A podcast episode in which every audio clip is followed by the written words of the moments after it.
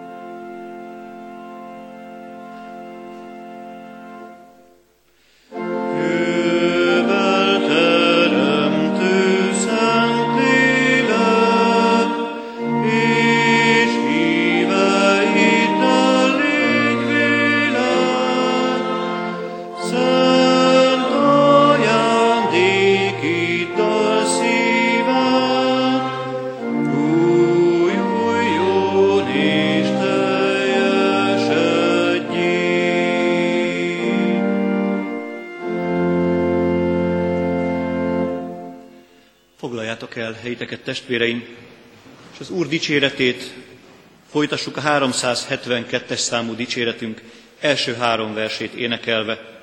Könyörögjünk az Istennek szent lelkének, bocsássa ki magas mennyből fénylő világát.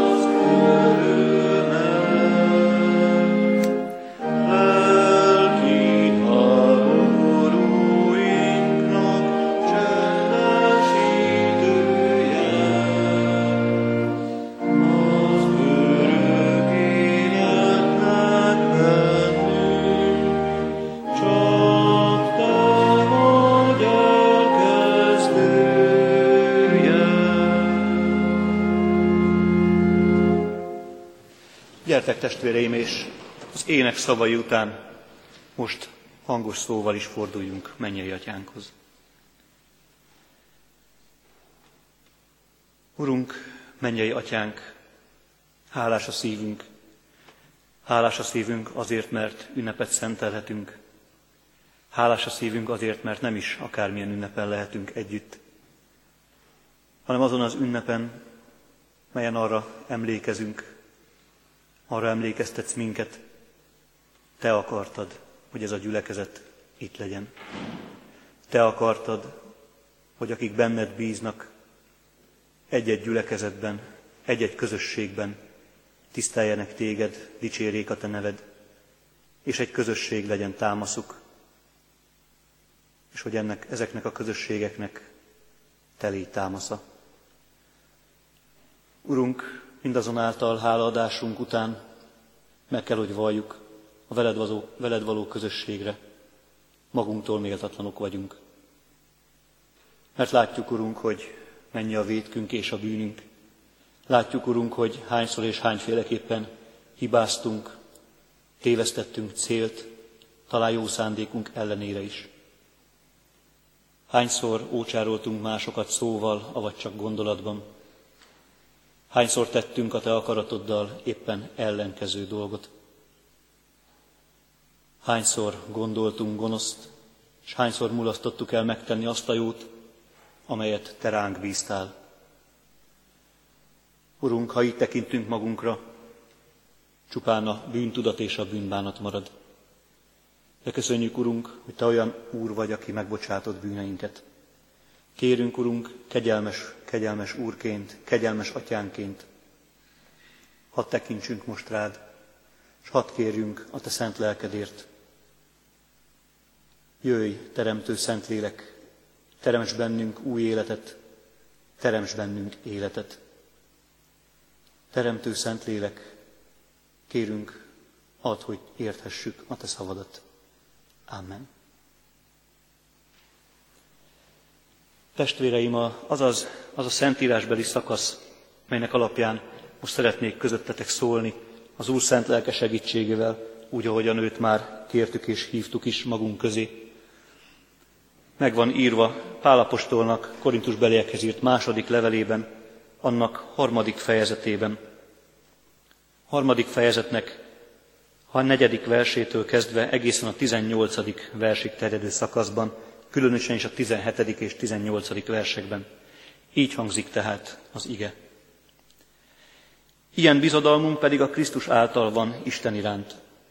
Nem mintha önmagunktól, mint egy a magunk erejéből volnánk alkalmasak, hogy bármit is megítéljünk, ellenkezőleg a mi alkalmasságunk az Istentől van. Ő tett alkalmassá minket arra, hogy az új szövetség szolgái legyünk, nem betűjé, hanem léleké, mert a betű megöl, a lélek pedig megelevenít. Ha pedig a halálnak betűkkel kőbevésett szolgálata dicsőséges volt, úgyhogy nem tudták Izrael fiai Mózes arcára, nem tudtak Izrael fiai Mózes arcára nézni, arcának múló dicsősége miatt, hogy ne volna még dicsőségesebb a lélek szolgálata. Mert ha a kárhoztatás szolgálata dicsőséges, mennyivel dicsőségesebb az igazság szolgálata. Sőt, ami ott dicsőséges volt, már nem is dicsőséges az azt felülmúló dicsőség miatt. Ha ugyanis a mulandó dicsőséges, mennyivel inkább dicsőséges a maradandó.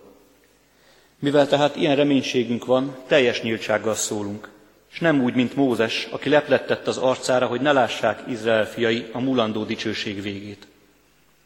De az ő gondolkozásuk eltompult, mert az Ószövetség felolvasásakor ugyanaz a lepel mind a mai napig felfedetlenül megmaradt, mivel az csak Krisztusban tűnik el. Sőt, mindmáig valahányszor Mózest olvassák, lepel van a szívükön.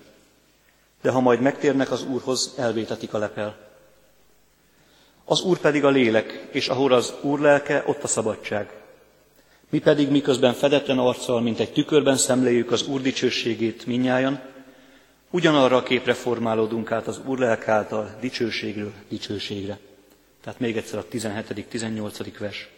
Az Úr pedig a lélek, és ahol az Úr lelke, ott a szabadság. Mi pedig miközben fedetlen arccal, mint egy tükörben szemléljük az Úr dicsőségét minnyájan, ugyanarra a képre formálódunk át az Úr lelke által dicsőségről dicsőségre. Idáig az Úr írott igéje. Foglaljátok el a helyéteket, testvéreim!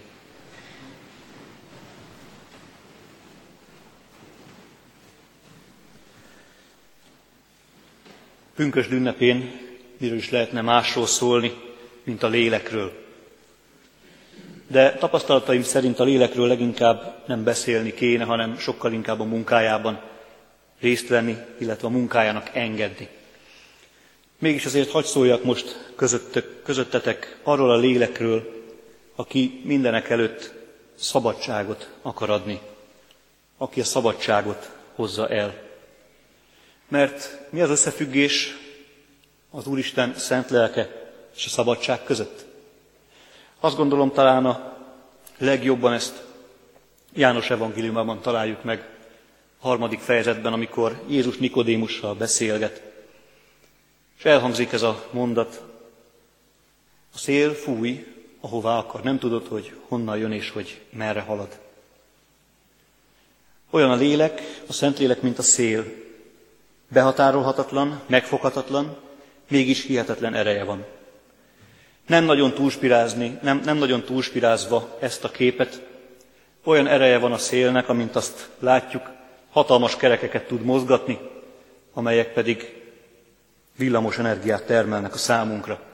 Hasonló a Szentlélek is. Nem tudjuk, hogy honnan jön, hová fúj pontosan, de azt, milyen ereje van, azt nagyon is érezzük és érezhetjük. És azt is láthatjuk ebből, hogy ez a lélek szabad, nem igazán megköthető, nem köthető semmivel. Legalábbis mi, emberek nem tudjuk kötni a lelket semmivel. Nem mondhatjuk meg neki, most akkor szólj hozzám, most pedig ne. A lélek fúj, és a lélek oda megy, és azt cselekszi, amit akar. Mégis azért azt láthatjuk és tudhatjuk, a lélek azért köti magát valamihez, ez pedig a Szent Háromság. Azt írja az ige, az Úr pedig a lélek. Ahol az Úr lelke, ott a szabadság. Az Úr lelke, ez a lélek. Köti magát a Szent Háromsághoz. Szabad lenne másra, de a lélek választása az, köti magát a Szent Háromsághoz. Méghozzá a szeretettel köti magát. Szabadság, lélek és szeretet tehát úgy tűnik nagyon is összefüggenek. De nézzük meg talán egy picit közelből, hogy Pál miről beszél. Pál olyan szabadságról beszél, ami elsőrenden szabadság a törvénytől, és szabadság a Krisztust követő életre. Mert ahol az Úr lelke, ott van a szabadság, szabadság, tör, szabadság a törvénytől, től, és szabadság a Krisztus követésére. Pál azt mondja, ezért olvastam föl az előtte lévő szakaszt is, hogy ahol nincsen az Úr lelke, csak a törvény, ott nagyon nagy baj van. Mert ha megnézzük egy kicsit társadalomtudományos szinten a törvény, mindig együtt kell, hogy járjon a bűnnel. A törvény kategóriája és fogalma a bűn fogalmával együtt kell, hogy menjen. Mert hogyha nincs egy jelenség, akkor nincsen rá bizony törvény sem. Ha van egy jelenség, és azt nagyon szabályozni szeretnénk, akkor érdemes rá szabályt, törvényt hozni. De a törvénynek tulajdonsága, hogy leginkább szankcionálni tud. Jutalmazni nem, vagy csak nagyon kivételes esetben. A törvény alatt érdemeket szerezni igazán nem lehet. Mert a törvény pont azért születik, mert valamit szeretne beszabályozni. Szeretné a kivételeket, a szabad gyököket lekötni, levágni. Érdemeket nem lehet szerezni. Ha megtartom, igazán jutalmat nem kapok. Ha betartom a magyar állam törvényeit, én számomra még soha nem jött egy köszönő levél, hogy köszönjük Adamek Norbertnek, hogy betartotta a Magyar Köztársaság törvényeit. Ilyen sosem jön. De ha áthágom valamelyiket, azonnal kapom a levelet, azonnal beidéznek valami miatt. Ebben teljesen biztos lehetek. De azt hiszem, hogy mindannyian, akik itt vagyunk. A törvény az ilyen. Be akarja határolni az életet. A szabadság a törvénytől nagyon távol van. Isten törvényével is így van ez, mondja Pál. Pál egyenesen így fogalmaz, a halál szolgálatának nevezi a törvényvallást. És ez azért egy kicsit első hallásra erős. Hiszen az Úristen törvényeit mi is szeretjük. Az Úristen törvényeit mi is szeretnénk megtartani. Azokat jónak, hasznosnak ismerjük el. A tíz parancsolatról azt gondolom közöttünk senki sincs olyan, aki azt mondaná, teljesen felesleges, hogy van. Sőt, keresztény teológiánknak része is a törvényről való beszéd. Akkor Pál miért nevezi mégis a halálszolgálatának a törvényvallást? Hát ennyire rossz lenne a törvény? Maga Pál is kimondja, nem, a törvény nem rossz, de természeténél fogva legfeljebb elmarasztalni tud. És pontosan ez az, ami problémás. Nem tudom, hogy a testvérek közül hányan olvasták nagyon régi könyv, Bunya Jánosnak az Arándok útja című könyvét. Valóban régi, és valóban a nyelvezete is, és a képi világa is talán egy picit már idegen tőlünk, de az nem, hogy talán azt mindannyian átéltük már, amit ott a zarándok, még mielőtt elindulna az útjára, átélt. Azt írja ugyanis Bunya János, hogy ez a zarándok elkezdi olvasni a Szentírást, és egyszer csak azt veszi észre, hogy, hogy ahogyan eddig teljesen szabad volt mindentől, most hirtelen valahogyan egyre nehezebb mennie. Egyre nehezebb fizikailag lépnie. Miért? Mert valamiféle óriási súly húzza a vállát. És ahogyan egyre inkább olvassa a Szentírást, egyre több súly jön a vállára. Nyilván jelképes a dolog, egyre inkább rájön arra, hányszor, hányféleképpen védkezett. Mert a törvényből, mint egy tükörből látja magát. Mint egy tükörben látja magát ez az arándok, és azt látja, hogy az élete, finoman szólva, nem a jó irányba haladt eddig. Megkapja a súlyt a vállára, ami nyomja és nyomorítja az életét. De választ egy jó ideig ebből a könyvből, amit olvas, nem talál. És pontosan itt van a törvény rákfenéje. Megmutatja, hogy milyen vagyok, és ez a kép valós. Megmutatja, hogy milyen terhek alatt nyögök, de megoldást és feloldozást nem ad. Lehúz a gödörbe, a valós gödörbe, és aztán ott hagy. Mert nincs hatalma, nincs lehetősége kiemelni onnan. A bűn felismeréséig elvezet, ami helyes, de az abból való kiutat nem mutatja meg. Nem úgy, mint ahogyan Krisztus teszi azt. Hegyi beszédben olvashatjuk, hogy milyen Krisztus és a törvény viszonya. Ott elmondja, nem azért jöttem, hogy eltöröljem a törvényt. Sőt, azért jöttem, hogy betöltsem azt. Mert amíg a világnak vége nem lesz, egyetlen egy vesző vagy egyetlen egy kis jóta sem szűnik meg, töröltetik el a törvényből, amíg mindenben nem teljesedik. Krisztus nem akarja eltörölni a törvényt, annak ellenére, hogy nyilván Pálnál is sokkal jobban tudja, milyen hatása van a törvénynek önmagában. Hanem azt mondja, azért jöttem, hogy betöltsem azt. Hát nem volt kész a törvény.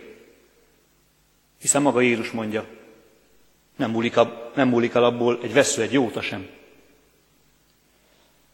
Krisztus nem kiegészíteni jött a törvényt, nem is elvenni abból, hanem sokkal inkább annak szellemét, annak akaratát betölteni jött, mint aki egyedül megtehette ezt. Ő volt az, aki egyedül meg tudott felelni minden elvárásnak, amit a törvény állított. Amit a törvény tőlünk is megkövetelne, de képtelenek vagyunk teljesíteni azt. Krisztus tehát azt mondja, a törvény jó, de a törvényt ember beteljesíteni nem tudja. Viszont én, tudni Krisztus én be tudom tölteni, és be is töltöm a törvényt. Hogy többé ne a félelem eszköze legyen a törvény, hanem sokkal inkább az élet szolgálatába tudjon ténylegesen állni. Mert a lélek felszabadít.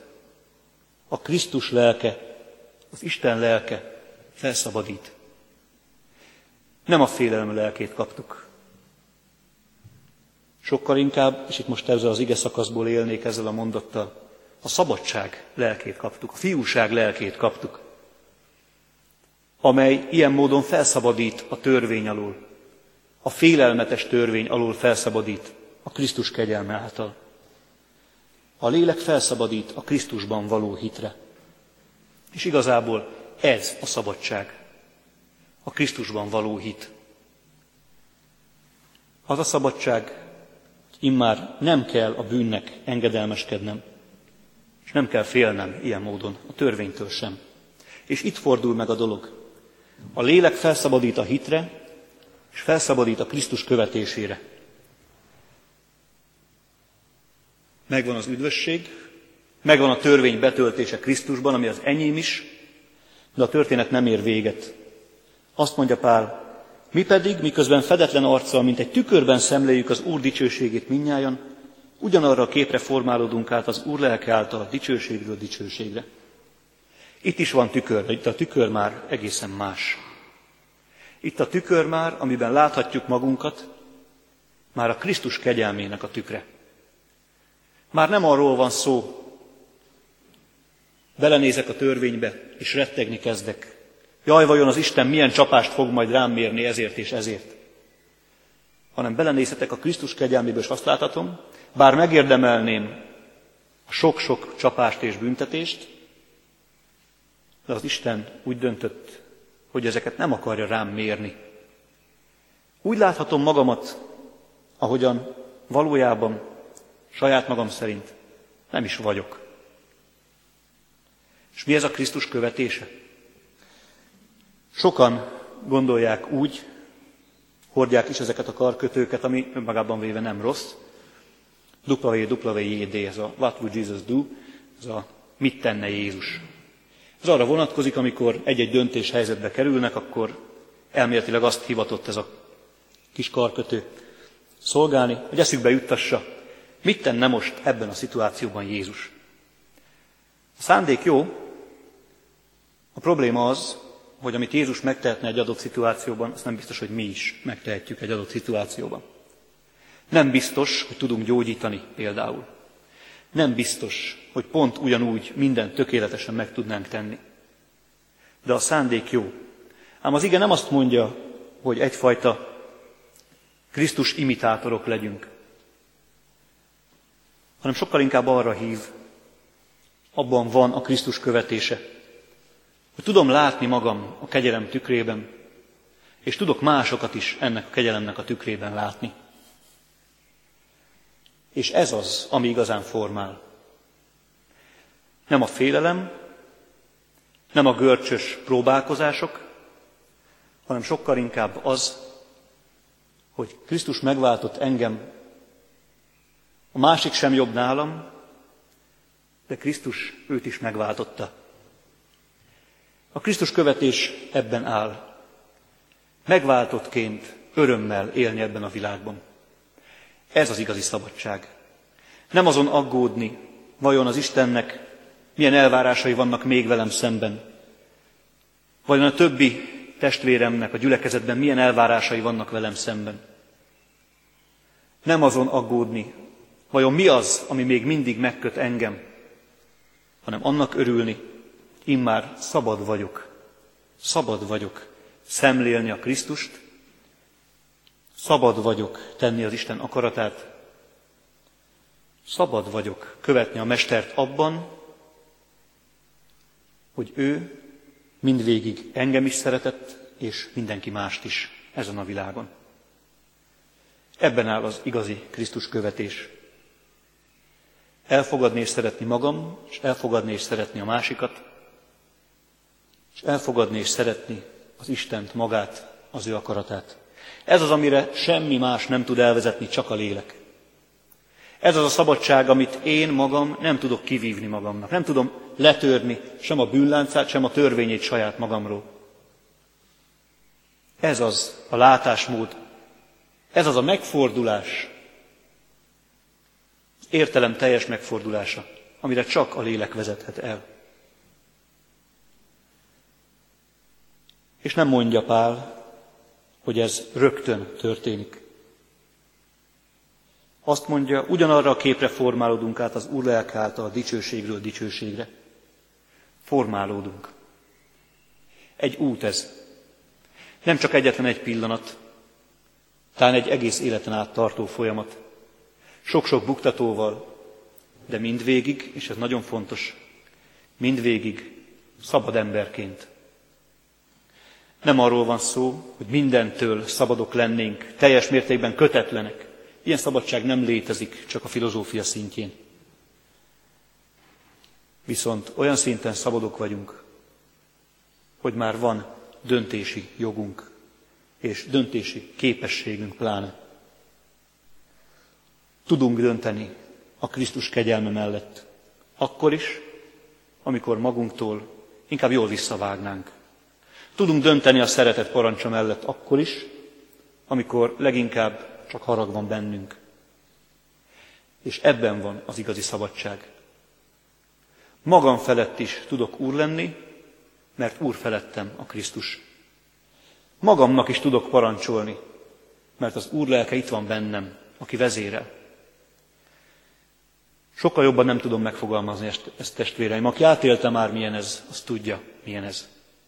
Aki pedig nem élte még át ezt a csodát, meg tudom állni a haragot akkor is, amikor csak az van bennem, az kéri az Úristent, hogy adja neki ezt a lelket, a szabadság lelkét, hogy csak az Istentől függjünk, és még saját magunktól se.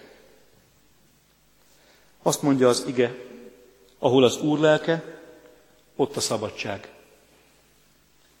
Kérjük hát ezt a lelket el naponként, hogy szépen, lassan, mint egy tükörben szemléljük az Úr dicsőségét minnyáján, és ugyanarra, tudnilik a Krisztuséra, Krisztus képére formálódjunk át az Úr lelke által, dicsőségről dicsőségre. A pünkösd örömüzenete az, hogy a lelket csak kérni kell, és ő jön. A lélek fúj, ahová akar, de a lélek bennünk is lakozást vehet. Amen. Hálát adunk neked, mennyei atyánk, hogy részeltettél minket a Szent Sákramentumban, és hirdettetted közöttünk megváltó Úr érettünk hozott áldozatának jó hírét. Kérünk, légy segítségül, hogy mi, akiknek szeretetedet megmutattad, lehessünk magunk is irgalmad eszközei. Éppen ezért könyörgünk a Te szent lelkedért, jöjj, védj lakozást mi bennünk, szenteld meg szívünket, gondolatainkat, beszédünket, cselekedeteinket, egész életünket, hogy minden, amit teszünk, minden, amit szólunk, minden, amit gondolunk, minden indulatunk rólad szóló bizonyságtétel legyen ebben a világban. Köszönjük, Urunk, hogyha bár mindezekre önmagunk erejéből nem lennénk képesek, de mégis részesítettél abban a kegyelemben, amely Jézus Krisztusban van elkészítve mindannyiunk számára, és az ő ereje által tudjuk a mi keresztény életünket megélni, és a világban ezáltal hirdetni a Te neved nagy dicsőségét, és a Te erődnek, kegyelmednek határtalanságát. Kérünk, Urunk, légy velünk, az ünnep napjai után a hétköznapokban is szenteld meg egész életünk. Amen. Gyertek és együtt közösen az Úrtól tanult imádságot is mondjuk el. Mi atyánk, aki a mennyekben vagy, szenteltessék meg a te neved, jöjjön el a te országod, legyen meg a te akaratod, amint a mennyben, úgy a földön is. Mindennapi kenyerünket add meg nekünk ma, és bocsásd meg védkeinket, miképpen mi is megbocsátunk az ellenünk védkezőknek. És ne védj minket kísértésbe, de szabadíts meg a gonosztól, mert tied az ország, a hatalom és a dicsőség mind örökké. Amen. Alázatos szívvel vegyük Isten áldását, az Istennek békessége, mely minden értelmet felül halad, őrizze meg szíveteket, gondolataitokat az Úr Jézus Krisztusban. Amen. Mai ünnepi Isten tiszteletünket a 370. dicséret éneklésével zárjuk. A 370. dicséretnek énekeljük el mind a három énekversét. Ezen énekversek éneklésével is kérjük Isten szent lelkét, hiszen a Szentlélek jelenléte az nem csak bünne, pünkösd ünnepében, hanem a hétköznapokban is fontos mindannyiunk életében. Jövel, Szentlélek, Úristen, így kezdődik a 370. dicséret első verse.